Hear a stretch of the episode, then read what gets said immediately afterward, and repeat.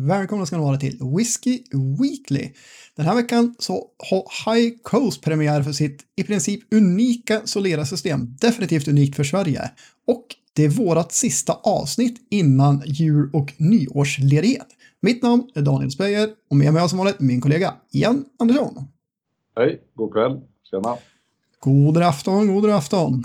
Ett, eh, ett spännande år, Daniel, som vi avslutar idag. Mycket whisky har varit här efter sommaren i alla fall. Ja, definitivt. Det var en ruggigt bra whiskyhöst faktiskt. Eh, hur mycket bra whisky som helst. Eh, inte så snällt för plånboken tyvärr. Nej, det, som sagt, det, det blir eh, snåla julklappar i år. Får se hur de, hur de tas emot där hemma sen. Men, eh, så, nej, det har fladdrat lite i lädret. Det har det gjort. Men eh, absolut trevligt och fantastiskt bra whisky har vi druckit. Framförallt i podden. Det är mycket fantastisk whisky vi har fått smaka i år. Det, Ja. Ja, men verkligen. Jag menar, det är inne nu med såna hemmapyssel och sånt. Så jag menar, barkbåtar och kottar. Det ska väl duga för unga nu också. Ja, det tycker jag. Det dög åt en annan så absolut. Ah, Eh, Ska vi, ska vi riva av några snabba innan vi går på eh, Bock eller High Coast här kanske? Vad tror du om det? Vad har vi ja, det tycker jag vi gör. Det brukar ju gå fort. Ja, men vi kan väl ta bara den som är kanske de vi nämnde förra året. De kom ju idag. Vi kan ta dem först. Det är fyra stycken. Eh, en som du valde ut förra veckan. Den här Classic Range från Barry, Barry Brothers eller Barry Bros. Som är en Ja. irländare. Och när Daniel säger förra året så menar han ju förra veckan då förstås. I förra Ja. avsnitt. Bara, bara så att vi är med på samma sida här. ja, för, förra veckan. Du, du kan köra den nästa avsnitt efter nyår. Då kan du köra den där. Jag var lite före i tiden här. Aida. Ja. Eh, sen har vi en Bourbon Peaky Blinder. Jag vet inte, Ian, du kollade lite snabbt upp vad det var för någonting, men... Ja, jag ser, jag ser bara att det är eh, en bourbon som de kör Peaky Blinders, lite gimmick-grej. Någon bourbon från Indiana står det. Jag läste lite reviewer om den där bortifrån och eh, tycker väl inte att de var speciellt imponerande. Utan man jämför med andra bourbons i den här prisklassen och verkar ju vara många som inte tycker att den eh, håller speciellt bra nivå. Så att, ja, 329 kronor, det är ju inte jättemycket pengar, men jag misstänker att den, den ja, man får väl prova och se, men det är inget som tyder på att det här skulle vara någon succé. Nej, som sagt den är inte jättedyr att prova om man vill. 40 procent 329 kronor. Eh, ordersortiment då. Eh, sen släpptes en Kilcaran, 16-årig idag. Eh, som på bolaget står att det ska vara heavily peated, eh, men om jag är rätt informerad så är det inte alls det. Utan eh, den, den är inte heavily peated, utan deras riktiga heavily peated-serie, de har inte så gammal heavily peated på fat helt enkelt. Mm. Eh, Så det här är en Kilcaran 16 år. Mm. Utan då epitetet eh, heavily peated. Det är ju eh, en ganska allvarlig miss i så fall man gör när man skriver det. För jag menar om man som en rökälskare då går och beställer den här så kommer det hem en, eh, en icke-rökig whisky. Det, det är ju katastrof. Eh, Jag skulle väl tro all Kilcaran är väl rökig va? Jo, alltså den är säkert rökig, men jag menar det är skillnad på rökig och heavily peated misstänker jag. Ja, det, det lär kunna vara en, en betydlig skillnad. Jag menar Så- det, det är ju Campbelltown whisky, inte Isla whisky liksom. Så jag har ju svårt att tro att... eh, jag, jag har inte druckit några på flera år, men eh, speciellt rökiga var de väl inte vad jag kan minnas. Även om de var det. Nej, det, det är inga Ayla, Ayla rökbomber det här, det är det ju absolut inte. Eh, säkert jättetrevlig whisky ändå, 16-årig Kilcaran låter ju inte fel. 46 procent, 8,69, kan vara slut för det här laget. En sista som är kanske ganska intressant, eh, tyvärr också kanske slut. Alla de här fyra kommer ju idag. Vi nämnde några av de här förra veckan som sagt, men en var då en Smögen, sexårig buteljerad för just Clydesdale Mm. som kommer idag. Eh, 1269 för en halv liter. Ja, Ja. Det är vad det är. Ja, jag har inte köpt någon, men det är säkert andra som har gjort. Det. Nej. Vad står det? Jag försöker se vad det är för någonting på deras hemsida ifall den finns. Eh, Men eh, nej, det står ingenting där. Tyvärr. Nej, man måste förmodligen gå hela vägen till sista knapptrycket och så om stallot finns eller inte. Och så långt Mm. vill jag inte. Då, då har man råkat beställa den i så fall. Ja, nej, jag försökte se på Clydesdales hemsida för de brukar ändå uppdaterat men det står bara coming där så jag vet inte om de har haft något strul idag med det. Eh, Men det var de som kom idag. Eh, Kan vi spendera några minuter på det men nu kan vi gå in på roligare saker. Det som kommer imorgon och eh, en lite specialare som kommer nästa måndag. Mm. Får man väl säga, som vi kommer nämna lite grann om också. Ja, vart vill du börja här nu då? Du väljer, jag pratar. Då kör vi. Ooh, Ja, men jag tycker vi kan börja på Smögen, för den tycker jag är lite rolig när man sätter den i kontext till den här bländande som kom för några veckor sedan som det blev lite diskussion om på grund av prissättningen. Som vanligt så tror jag att du väljer den där nu för att du vet hur lite jag kan om Smögen egentligen och vill liksom att jag ska sitta här och låta dum. Men eh, jag har ju svart bälte i bullshit så nu kör vi. Nej vars, eh, jag menar Smögen whisky det här är en åttaårig. Eh, jag tror det är den andra åttaåringen de släpper så det är batch två i den här åtta åren. Och jag fattar det som att den här är eh, den är komponerad av åtta olika fat, varav sju är bourbonfat och ett är ett Oloroso-fat. Och sen är den ju tungt rökig som ja, det mesta av smögen whiskyn brukar vara. 50 plus ppm, så att det är väl... eh, Ja, det här tillsammans med, med bourbonfatet, det är förmodligen en riktig rökbomb, skulle jag ju tro. Så att eh, det, det krävs ju om man ska gilla den här. Ja, absolut. Det, det, det lär vara bra rökdrag i den här. Eh, Den här kostar 875. Den här bländande kostade väl 1395 som var samarbetet då med, med VM. Ja. Eh, Som också var åtta år om jag kommer ihåg rätt. Ja, Så- nej, alltså allt är ju relativt. Jag menar 8,75 för en halv liter åttaårig whisky. Eh, Det kan man ju tycka är dyrt, men som sagt om du jämför det då med en blended som är yngre och eh, kostar 14,95 eller vad den gör, ja men då är den ju billigare den här. alltså det beror ju alltid på vad man jämför med. Nej, men jag måste ändå säga en åttaårig eh, rökig whisky från Smögen, svenskt.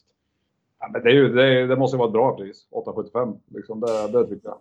Ja, och den är 59,8 procent tror jag det står exakt på flaskan, även om bolaget listar den som 60 så. Eh, Och så- Det är en 70 när man har blandat klart den med vatten. Men... ja, men precis. så, nej, men jag tycker det är väl rimligt prissatt. Eh, De som gillar Smögen eller röker whisky överlag, ingen blir nog missnöjd med den där. Det är sällan man blir det på Smögen. Nej, den där, det tror jag på. Ja. Eh, sen har vi ju en annan lite rolig rackare. Det vi ska säga det, Smögen och den här uh, Isle of Razi eller Razi, Razi, Razi. Ja, man vet ju inte. Gör folk, de pratar som de gör. En ganska häftig flaska i alla fall. Deras första release. Eh, kommer kosta 11,95, 70 centiliter, 52 procent. Mm. Eh, vet väl inte jättemycket om den här. Eh. Nej, Jag, jag, jag läste lite gjorde jag då. Så att, eh, jag, jag kollade vart det låg till att börja med. Så det, det är en ö som ligger kan man säga mellan Isle of Sky och fastlandet. Eh, Jag såg inte att det var några broar ut som det till Sky men det, det ligger precis intill fastlandet ganska högt upp då. Mm. Och det var massa, det, det var, vad var det? Det var 21 olika rödvins och bourbon och bla bla bla fat som var, var delaktiga i den här i alla fall. Och sen så tror jag det var ett stort eh, sherryfat i grunden.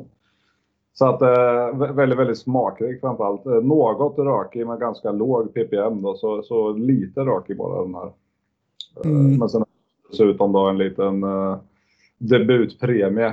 Eh, Att det är deras första flaska begränsat släpp och första single malt whiskyn. Så det är väl eh, ett poten- potentiellt samlarobjekt om inte annat. Sen om det, den är väl förmodligen runt 3 till 4 år gammal, kanske 5. Jag vet faktiskt inte när de drog igång sprittillverkningen. Men en ung whisky kommer det vara för 11,95. Så att om den är värd det rent smakmässigt, det, det, det håller jag mig ju väldigt tveksam till. Jag tror de drog igång 2017 så den är nog tre år i den här. Eh, 7500 flaskor har det släppts totalt. Sverige är ganska sent ut. Jag vet inte om vi är sist eller inte, men det som har släppts hittills eh, ute i Europa har sålt slut. Eh, Så jag misstänker de här också kommer gå åt. De är prissatta ungefär samma pris eh, faktiskt över hela världen. De siktar på 131 dollar och vi är väl inte jättelångt ifrån det på 11,95. Nej, det låter nästan exakt. Strax under 10 spänn. Ja, eh, nej, men det är lättrökig, rödvinsfat finish, bordeauxfat.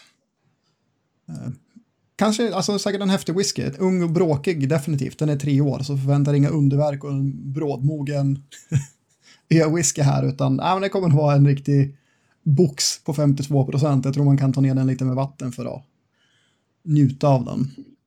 Men kanske nog om det. Vi har ju någonting i glaset också. Ja det har vi ju. Så varken du eller jag riktigt vet vad vi ska göra med. Ja, självklart så ska vi ju dofta och få och dricka upp den i slutändan. Men eh, den är ju den är lite knepig den här. Dagen. Ja, jag kan visa upp en bild för er som tittar. Det är alltså en High Coast Solera står det på etiketten. Jag, tycker, jag gillar verkligen etiketten, den är häftig. Lite annan design än vad de brukar ha och visar på att det här är någonting unikt och inte något som här, alla andra släpp, men inte som deras andra släpp, utan det är någonting speciellt mer än. Och det är just Solera-systemet. Eh, Solera är ett system som eh, man använder mycket i sherryvärlden. Eh, har använts, eller används en del i whiskyvärlden också, andra branscher, men utan att kunna spanska så kan jag nästan lova att det är ett spanskt ord i grunden. Och det ser ut så här. Och så här ser exakt och high coast system ut. Ja, inte exakt för det är, det är en databild, men man har alltså sex stycken eh, rader med fat i, i lagret, i lagerhuset. Lagerhus nummer tre säger de till och med att det är i. Och eh, det är, är det tio fat i varje rad där? Ja, tio fat eh, och de heter Creadera de här övre faten och längst ner är det Solera. Och det man gör, det är att man tömmer Solera-raden med kanske en tredjedel eller hälften eller allting beroende på hur mycket man vill tappa ur. Eh, men det är sällan man tömmer dem helt, för det är inte poängen med en solera, utan man tömmer ut en bestämd mängd, sen tömmer man raden ovanför på motsvarande och för över då till den nedersta raden. Så man flyttar ner whiskyn eller destillatet ett steg vid varje tappning och så fyller man på med ny sprit längst upp. Och eh, Box tanke med det här är att det ska ligga ungefär ett år per, per rad eller vad man ska säga. Och de har sagt att den ska vara runt sex år, så jag tror att de tömmer nog faten i princip helt och hållet. Eh, och tappar ut det. Däremot så skiljer sig första utgåvan lite grann, för den har inte gått igenom alla rader. De har legat på en rad och sen fått ett och ett halvt års finish på Solera-raden som är gjord av svensk ek alla. Medan de andra då är bourbon-fat. Så att eh, den här har en helt annan karaktär än vad kan, vi kan förvänta oss om de kommande Solera-släppen. Ja, och det känner man då, eller vad tycker du? Det, det, det tycker jag man känner. Uh, för den här är, den är ju väldigt, uh, den är väldigt träig helt enkelt. Och det är en ny, ny svensk ek som ligger i isolerarfaten så den har ju fått väldigt mycket, väldigt mycket påverkan från det. Den är ganska, den är ganska aggressiv tycker jag. Den mm. är relativt spritig och aggressiv, den är träig och sen tycker jag att den är Eh, den är nästan lite eh, blomvindsparfymerad, lite liksom lavendel tillsammans med, med lite ekkrydda, lite pepprighet men nästan lite chiliton i pepparna, att den liksom faktiskt fräser lite i munnen. Så att den är, det är relativt aggressiv whisky, relativt ung i smaken också. Så, ja. ja, och som om inte det vore nog så står det faktiskt att den är 51% på bolaget, men vi har ju goda skäl att tro att den är 56% för att eh, det står så på flaskan och eh, när man kollar på Box High Coast hemsida. Herregud, det är svårt det där. Med, med, med High Coast. Varje gång tror jag man säger fel. Eh, nej, men de säger också 56% på sin recepthemsida. Men av någon anledning då så står det att 51% på bolaget. Och nu är man ju inte så pass expert att jag liksom eh, skulle våga sätta en miljon på att man har rätt. Men eh, när jag stoppar den här i munnen så känns det ju definitivt mer som 56 än 51 procent. Utan den är riktigt stark tycker jag. Ja, definitivt. Och jag, jag tycker också den, den här behöver vatten för att det där spritsticket, jag vet inte om det är att den har legat på så länge på svensk eko, det är första gången de använde faten. Men den var spritig och stark, träg. Eh, vattnade jag den inte, då var det svårt att komma åt den här fuktigheten som ändå finns i den, som är ganska trevlig också. Men och den blir, den blir ju bättre och rundare när man vattnar och låter den lufta lite. Men det ligger ju fortfarande kvar den här aggressiviteten i den, det tycker jag. Den ja. Inte Nej, eh, aggressiviteten försvinner inte, men lite grann. Jag hade så här, så här eh, gamla limstift som man kanske hade i skolan eller någonting. Jag tyckte det doftade sådana förut och den har lagt sig helt efter vattning och luftning ska vi säga. Men nej, den är, den är bråkig på näsan. Den är så här vild. Den inte, doftar inte ungt, men den spretar och mm. Mm. Nej, jag är, väl lite, jag är lite tudelad. För jag, jag tycker inte det, det, är inte en fantastiskt god whisky. Det tycker jag inte. Men samtidigt så är det ju första, det är ett experiment. Så att jag, jag är ju ändå lite sugen på att köpa en. Ehm, mm. Och det är mest för att liksom kunna ha en, eh, säg sex, sju stycken nu efter varandra. För att faktiskt kunna se den här utvecklingen som har varit. För det skulle ju vara riktigt, riktigt intressant. Då får man göra det om säkert typ sex år då. Jag vet inte hur ofta de kommer att buteljera. Men buteljerar de hela faten då borde det ju bara bli ett släpp per år. Så vi får se hur de, hur de gör med det där. Ja, men de har sagt det också när man kollar hela, det är ju massa text, men jag en gång per år är tanken att det ska komma. Okay. Ja, jag håller helt med. Jag är sugen att köpa en flaska också för att eh, det här är en häftig samling att ha, men också kunna göra en vertikal på den här sen. När man har en fem, sex stycken.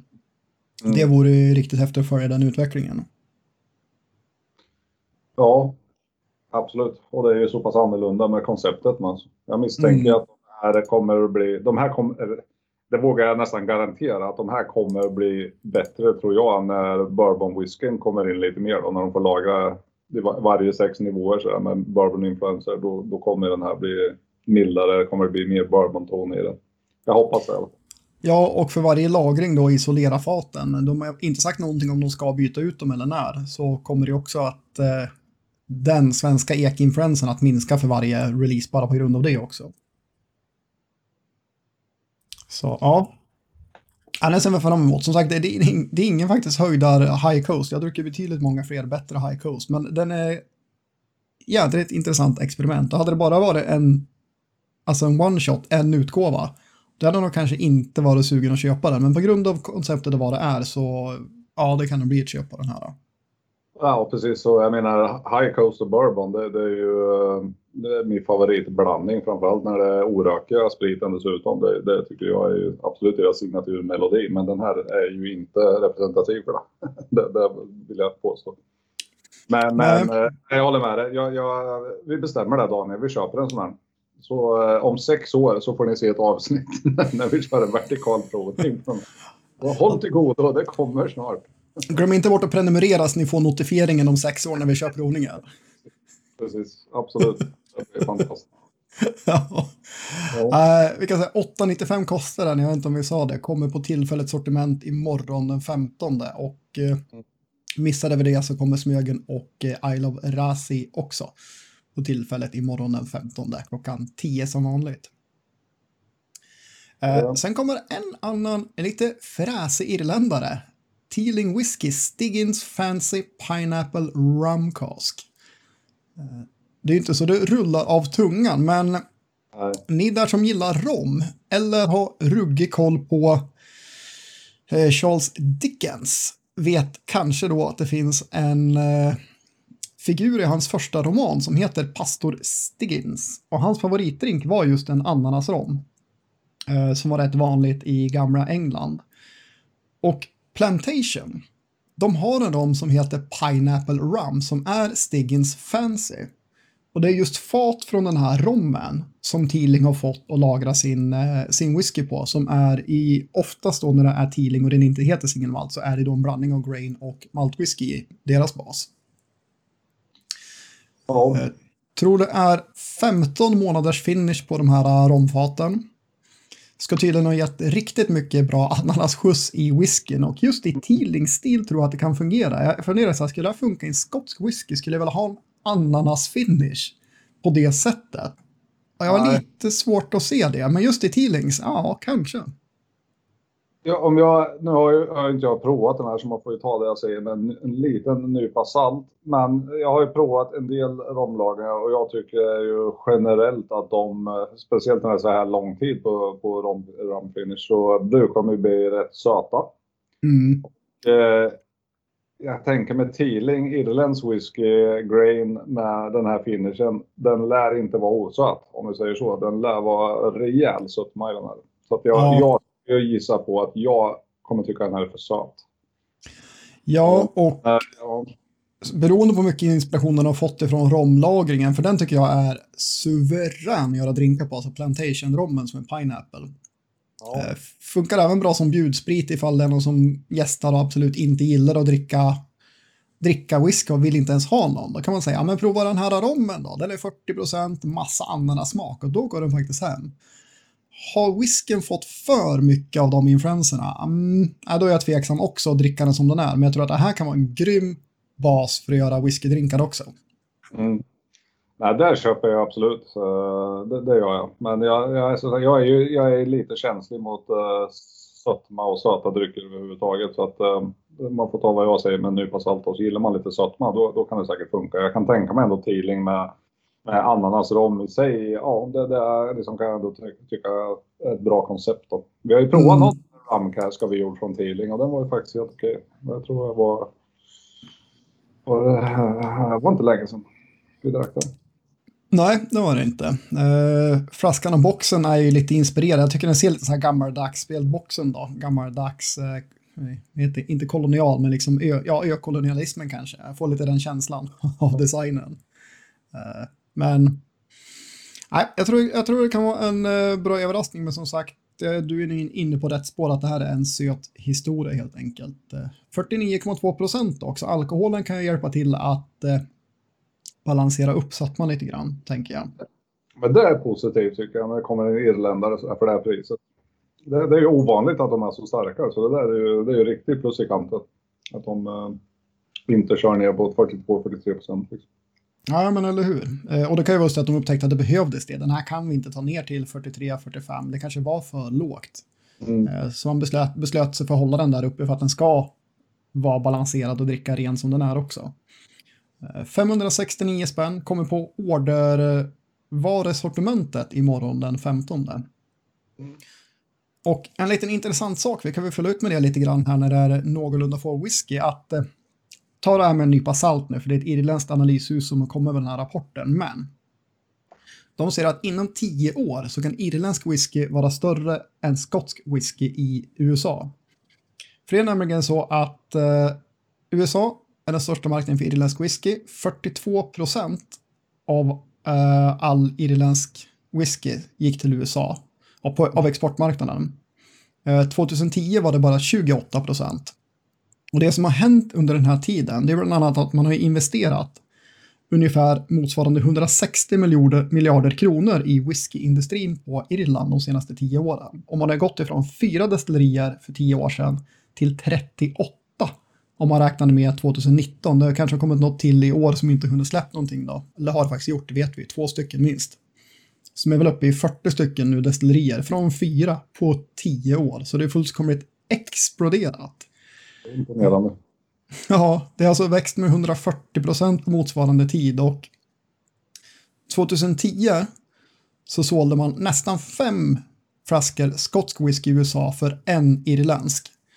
Eh, idag är det ungefär en och en halv för varje irländsk. Nej, två och en halv. Uh, läste jag fel.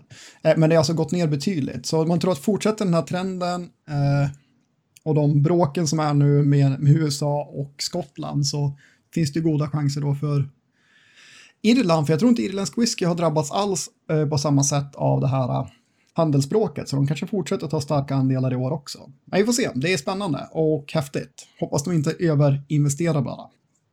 Så det blir en ny whisky-bust.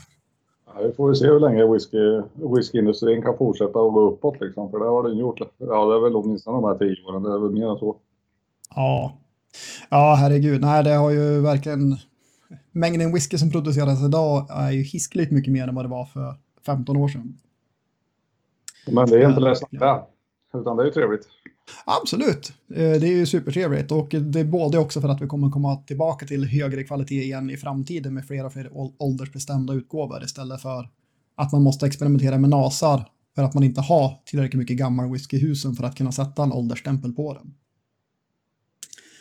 Uh, jag har en sista whisky vi kan nämna också som kommer nästa måndag. Det är Johnny Walker firar 200 år. Eh, det var därför de hade en rekorddyr whisky på bolaget för inte så länge sedan. Eh, nu kommer de med deras Blue Label, 200-årsjubileumsvarianten.